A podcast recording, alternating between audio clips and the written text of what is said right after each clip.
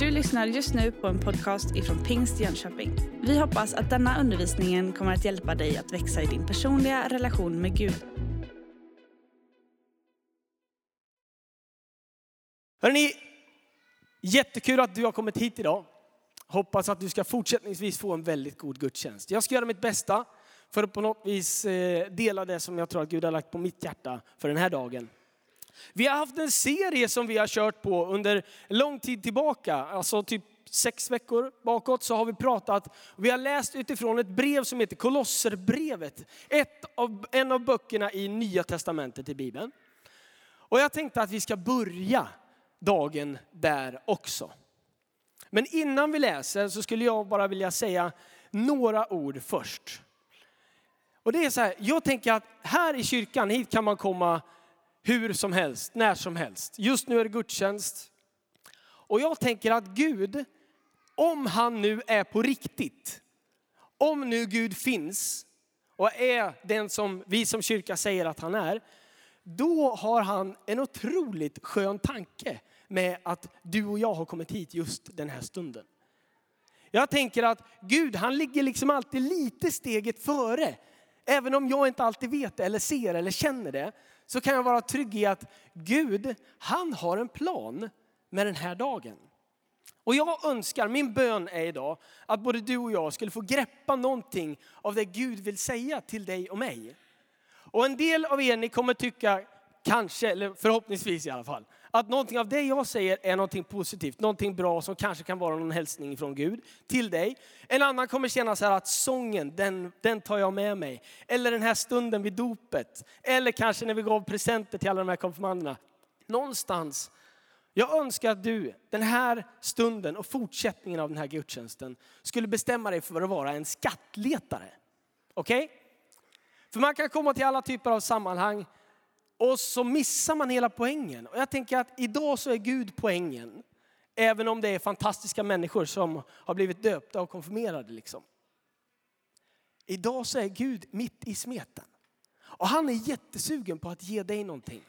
Så om du vill få ut någonting riktigt gott av den här dagen som är lite mer utöver det vanliga. Så önskar jag att du skulle vara skattletare. Och försöka höra, Gud vad är det du har att säga till mig?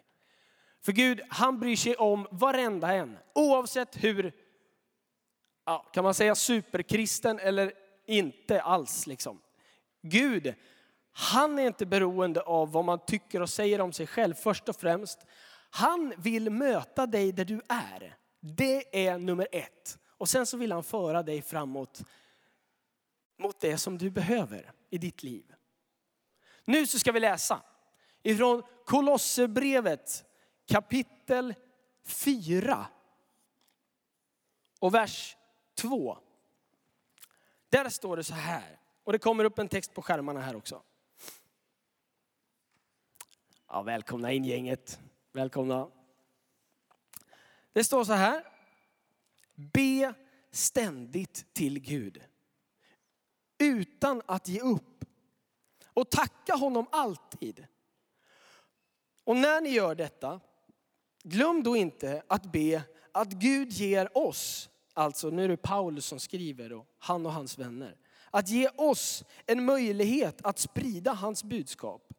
Så att jag kan berätta om Guds hemliga plan som är Kristus. Det är ju för den hemlighetens skull jag sitter i fängelse. Be att jag på ett rätt sätt ska kunna avslöja denna hemlighet för människor så att de förstår.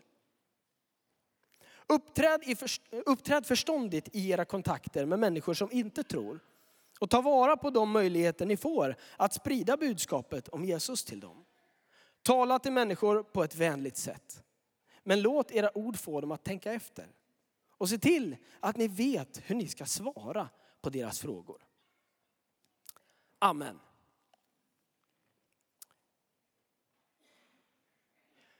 I Sverige idag, i vår kyrka, så har vi många som har bestämt sig för att lämna något gammalt bakom sig. Det kan vara en annan religionsuppfattning, eller det kan vara en annan typ av livsåskådning. Och så säger man, Jesus, jag vill ge dig en chans. Jag vill ge dig en chans. Är du den du säger dig vara, då vill jag följa dig. Och så testar man det här och man får otroligt mycket skit, om man får säga det rakt ut, ifrån människor i sin omgivning. I Sverige så har vi religionsfrihet och det är en del av den svenska styrkan tycker jag. Men frågan är ju hur det blir för människor som har kommit hit till Sverige nyligen och nu skickas tillbaka till sitt hemland. Och de under den här tiden har fått lära känna Jesus som någonting livsförvandlande. Någonting som har vridit och vänt på hela deras tankesystem. Och det vet ju, flera av ni är ju här idag. Och väntar på, kommer jag få skickas tillbaka? Eller får jag vara kvar i Sverige? Jag tänker att de här sakerna hjälper mig att ta till mig de första verserna som vi läste. Nämligen be ständigt. Det finns saker och ting i vår värld och våra omständigheter som gör att livet blir en utmaning. Och Gud, när han har låtit det här skrivas, så är liksom inte det här, tänker jag, ett krav utifrån att man måste be hela tiden. Utan utifrån den nöd som du har runt omkring dig. Vad är orsaken till dina böner? När du ber ständigt, när du, ständigt är ju en, en, eh, en utmaning får man ändå säga. Särskilt just nu när jag pratar med er, jättesvårt. Jättesvårt är det. Men sanningen är den att bön inte handlar om att prata med Gud bara. Utan det handlar om att kommunicera, ha samtalet med honom.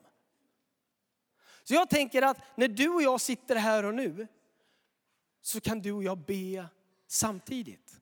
Alltså att lyssna in, Gud har du någonting du vill säga till mig? Och sen så får man hela tiden försöka lära sig och lyssna, hur låter Gud? Hur hörs det att det är han som pratar? Eller är det bara min egna tanke? Och det här har vi pratat en hel del om på Konfa det här året. Och vi har försökt hjälpa varandra att liksom se efter, hur låter Gud och vad finns det för någonting som är igenkännande för flera? Och någonting man ska komma ihåg det är att Gud, han kommer med mycket godhet och glädje. Han kommer med uppmuntran. Han vill uppmuntra dig. Han vill bygga upp dig. Och han vill också trösta dig när du har det tufft och jobbigt. Dessutom så besitter Gud en sån här möjlighet att totalt vända på situationer. Alltså när livet är totalt kaos och Mattias Maxstad har gjort sitt absolut bästa. För att inte sabba det mer. Och ändå så blir det mer sabbat. Då vänder jag mig till Gud. Och förhoppningsvis har jag vänt mig till Gud tidigare. Men när jag gör det, då är det som att Gud får chansen och möjligheten att påverka mig. Och hjälpa till i den situationen som jag står i. Och en bön behöver inte vara krånglig. Jag tycker det är skönt i Bibeln för Gud säger aldrig att du lyckas be, om du lyckas be bra böner då ska du få svar på dem. Utan det är liksom, var äkta, var ärlig. Prata med Gud som att det är första gången. Om det nu är första gången som du liksom uttrycker något. Till exempel. Var ärlig i din kommunikation med Gud. Han bryr sig inte om om du låter fint eller inte. Och det här har vi pratat en hel del om på konfan. Det här är liksom inte kristna proffs som samlas i kyrkan. Och inte som går konfa heller. Även fast ni är hur bra som helst. Men det godaste tycker jag är med tron på Gud, det är att när jag kommer till honom då får jag vara mig själv. Sen hjälper han mig att bli bättre. Han hjälper mig att bli mer Mattias. Be ständigt. Den där kommunikationen med Gud, lyssnandet och samtalet. Jag tror att det är en revolution för mänskligheten. Och jag står fast vid det. När du och jag hittar samtalet med Gud på en ärlig nivå, då händer det någonting utöver det vanliga. Och jag vill inbjuda dig att testa. jag vill inbjuda dig att prova. För jag är övertygad om att Gud är så intresserad av vad du har att ge honom, vad du har att berätta eller be honom om. Be ständigt. Nästa punkt som vi kan läsa här, det stod be ständigt till Gud utan att ge upp. Ge inte upp. Det finns ju saker och ting som har påverkat mig i mitt liv och min tro. Och fått mig att frestas att ge upp min tro. Hur liten den än har varit i vissa eh, år i mitt liv. Och hur stor eller stark jag själv har uppfattat den i vissa år i mitt liv. Men när jag kommer till Gud och är ärlig med honom så möts jag inte av någon som dömer mig. Jag möts inte av någon som kastar mot mig och säger hur dålig jag har varit. Han är ju hur god som Han är ju bara godhet. Och det kan ju hända att jag får dåligt samvete när jag pratar med Gud över de saker som jag har gjort som inte är bra, som jag vet om inte är bra.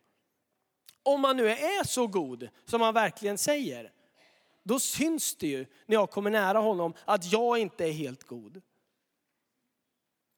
Men det sköna är att det har aldrig fått mig att ge upp. För han i sig själv säger inte, du duger inte. Han säger, du duger. Jag älskar dig.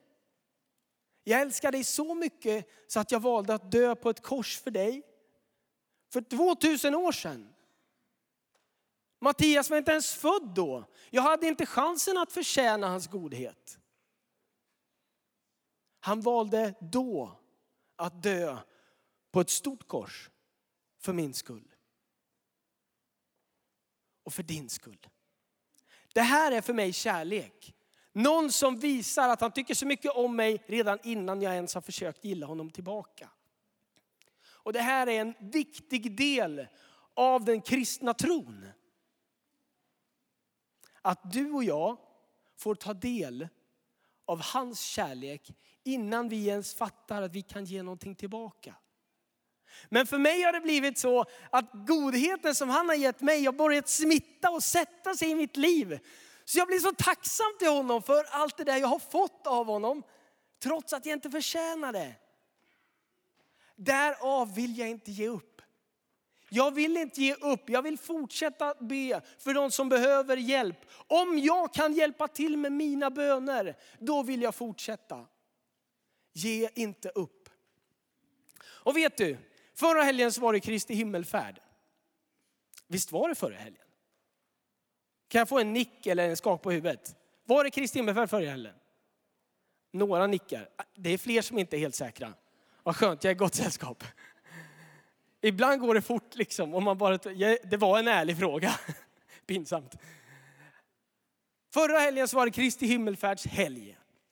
Och det betyder att Jesus sa till sina lärjungar, jag är med er alla dagar inte tidens slut. Och så den här versen som Ludde läste vid dopet. Gå ut och gör alla folk till lärjungar. Döp dem i Faderns, Sonens och den helige Andes namn och lär dem att hålla allt vad jag har befallt er. Och sen så säger han, jag är med er alla dagar inte tidens slut. Och så för, eh, for han iväg. Han försvann ifrån deras åsyn. Och nu är vi på pingst. Vid Kristi himmelsfärd så sa Jesus till sina lärjungar, ni kommer att få en annan hjälp än mig. Sätt dig bara in i situationen. Du har varit med om något helt suveränt. Tänk dig själv, du har följt en man som ställer sig i så mycket kärlek till resten av alla människor han möter. Oavsett om de är goda eller onda mot honom. Han har gjort en helt ny grej. Han har bett för sjuka så att de blir friska. Han har uppväckt döda från döden. Han har hjälpt de som är lama att kunna gå igen. Han har gett de som har varit blinda synen tillbaka. Och du har fått vara en av tolv som har hängt med. Du har fått hänga med under tre års tid. Har du fått levt nära den här mannen som verkar vara någonting utöver det vanliga. Alltså någonting helt annat än vad du någonsin har mött. Din vardag som du hade tidigare, jobbade jobbet där du alltid har varit som lärjungarna som till exempel var fiskare eller tullindrivare eller någonting annat. Rätt vad det var så byts bara deras vardag. De lämnar det och så väljer de att följa Jesus. Det här var liksom seden. När det kom en rabbi, en lärare som bad dem, kom och följ mig. Då var det naturligt att man lämnade sitt yrke för att följa. Så det var inte att de var helt världsfrånvända och bara, jag följer, jag följer. Utan nej, de valde och det, höll till, det hörde till kulturen. Nu är du i den situationen att den här mannen som har lett dig och hjälpt dig och peppat dig och gett dig en helt ny livsåskådning, en helt ny tro på vem Gud är, har lämnat jorden. Och det sista han säger, alltså innan det så har han ju dött på ett kors. Och så har han uppstått igen. Från de döda. Och han har pratat med sina lärjungar och de har fått bevis för, du lever ju på riktigt för att vi såg dig död, du låg ju i graven, nu är du ändå här. Sen flyttar Jesus upp till himlen och säger, ni ska få hjälp. Ni ska få hjälp av den heliga anden som ska komma till er och ge er kraft. Det är för er skull som jag lämnar den här jorden. För ni kommer må bättre av att ha den helige ande, hjälparen, i ert liv. Nu har alla de här händelserna passerat. Tänk dig själv att du nu sitter som lärjungarna gjorde efter Kristi himmelsfärd. De gick till Jerusalem och de satte sig där uppe i det som kallas övre salen. Och vet du vad de gjorde där? De väntade. Och de väntade och de väntade. Och jag vet inte vad de höll på med under tiden helt och hållet. Det får man ju ändå säga. Var Fia med knuff uppfunnet? Jag är inte helt säker. Någonting gjorde de för att spendera tiden och vänta.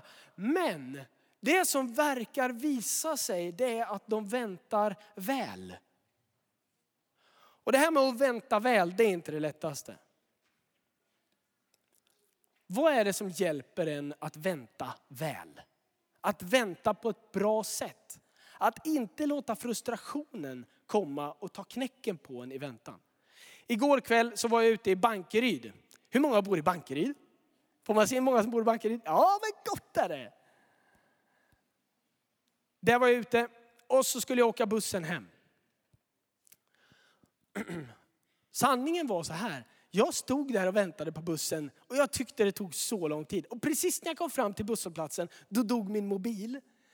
Så jag hade ju ingen klocka. Och du vet när man väntar utan klocka, har du provat det? Det är jättekonstigt.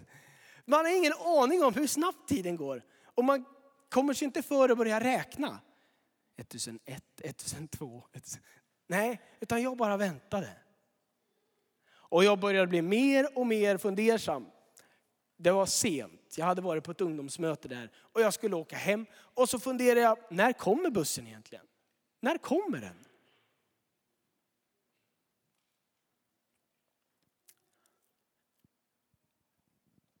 När jag var på väg till Bankeryd, då skulle jag också ta bussen. Då var det så här märkligt. För att jag satte mig där och jag tittade, vad finns det för bussar som går till Bankeryd? Nu får ni en väldig person, jag ska försöka säga den här kort nu då. Kort berättelse. 101 går till Bankeryd och 26 det lärde jag mig. Okej, okay?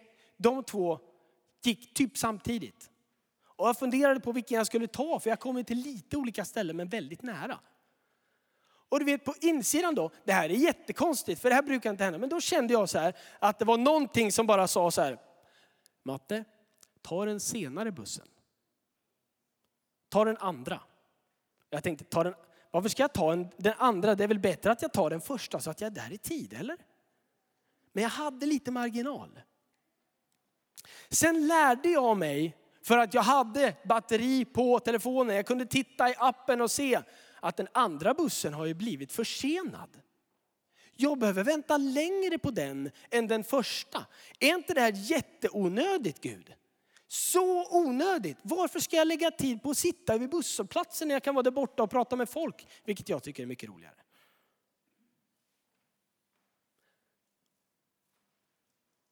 Jag tänkte, ska jag träffa någon särskild på bussen?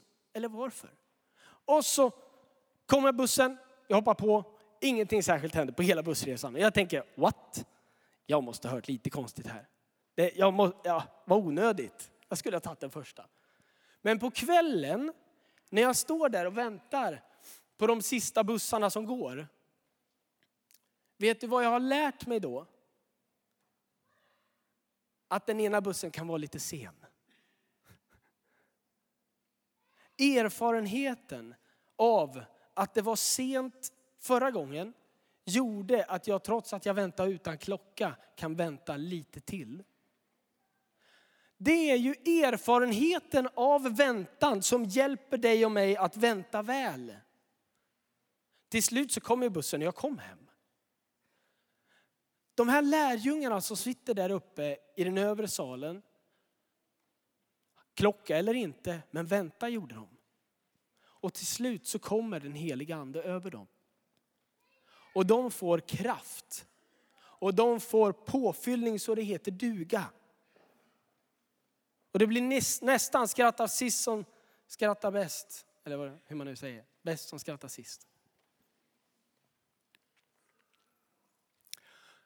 Jag skulle vilja påstå idag att du och jag i våran väntan på Gud så kan vi välja att vänta väl. Och det är erfarenheten som bestämmer om vi väntar väl. Du och jag, vi har möjligheten att den här stunden, den här gudstjänsten, ta emot någonting som Gud vill ge dig och mig. Och för mig handlar det om att Jesus, han har dött på korset för min skull. Och en del av er, ni har aldrig tänkt på den tanken. En del av er, ni har avfärdat den för länge sedan. Och det är liksom, det gör man som man själv bestämmer. Men min erfarenhet är att när jag fick möta Jesus på riktigt för första gången så var det värt min väntan. Det var värt att jag skulle hoppas lite till på att livet skulle ha någonting mer än det jag sett hittills. Och jag var ju liten, men jag har ändå haft de där perioderna där jag tyckte att Gud har uteblivit. Men jag har förstått att han har burit mig.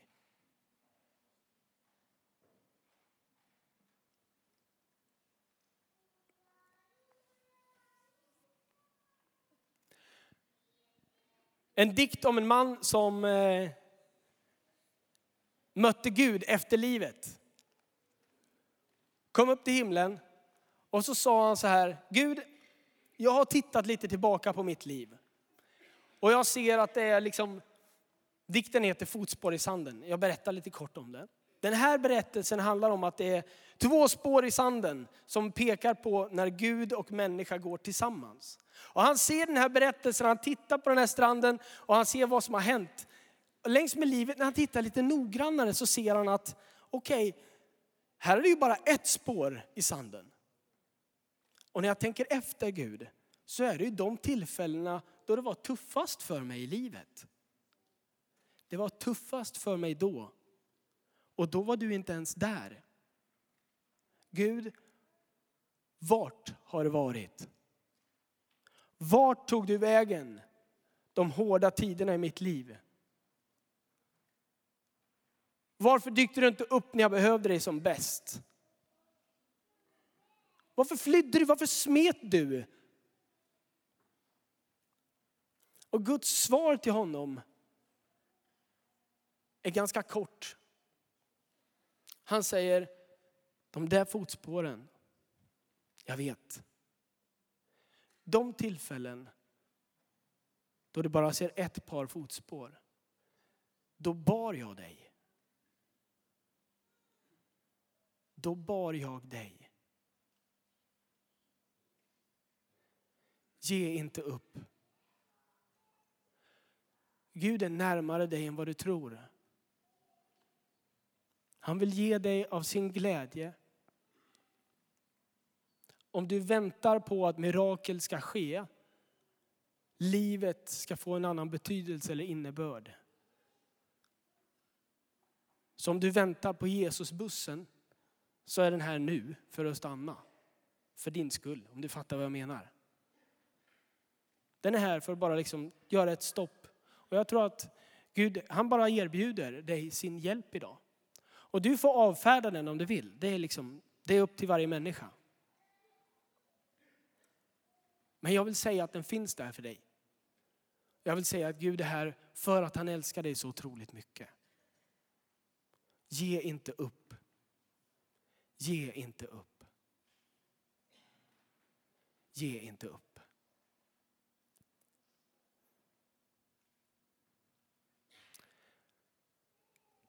Jag tror att Jesus han vill bära dig fortsättningsvis nu. Jag ska be lovsångsteamet att komma fram. Han har en så otroligt stark kärlek till dig och mig. Att han gör vad som helst för dig och mig.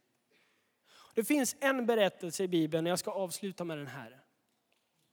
När Jesus själv berättar och ger en bild av sig själv som en herde. Okej? Okay? Vi har inte så många herdar i våran tid. Men där var det vanligt. Och han berättar om att det var en gång en herde som hade hundra får. Hundra får. Vad kan vi sitta i den, här, eh, i den här delen av kyrkan? Här är vi kanske 300. Kan det stämma? Jag är inte jättebra på att uppskatta sånt här. Vi är ett gäng som sitter här. Det här var hundra personer, hundra får. Och rätt vad det är så märker den här gode herden att ett är borta. Ett har försvunnit ifrån fårflocken. Och det jag hade kunnat tänka då, som inte är så bra på att uppskatta hur många man är och inte har valt att räkna idag, hur många man är. Jag hade inte ens märkt att det 99 eller att det hundrade fåret var borta. Men Jesus, han bryr sig om varje person. Han bryr sig inte bara om att ha en flock. Han bryr sig om varenda en. Och det den här berättelsen säger, det är att han lämnar 99 får bakom för att gå och leta efter det fåret som fattas. Det finns ett får som fattas och han släpper 99 stycken bakom sig. Han låter dem vara själva för att leta efter det som fattas. Och här så tänker jag att det här är det bästa av bevis för dig och mig på hans kärlek. För han hittar till slut fåret och tar det tillbaka till flocken och skapar fest med sina grannar. För fåret är ju äntligen hemma igen. Ett enda får. Det hade blivit fest tänker jag om det var 99 som var borta och ett var kvar. Då hade jag skapat fest. Men Jesus är av en annan karaktär. Jesus bryr sig om dig och mig individuellt. Och idag så tror jag att han kan ropa till dig på ett eller annat sätt genom den här gudstjänsten och säga, jag älskar dig. Vart är du, mitt får? Jag har varit den många gånger. Känner mig som en fårskalle när Gud hittar mig. Verkligen på riktigt. Pinsamt nästan. Men varje gång så kommer han med en stor och öppen famn. Och han visar mig kärlek och inte fördömelse. Det är viktigt. Du har just lyssnat på en podcast ifrån Pingst Jönköping. För att få reda på mer om vilka vi är och vad som händer i vår kyrka så kan du gå in på pingstjonkoping.se eller följa oss på sociala medier via pingstikpg.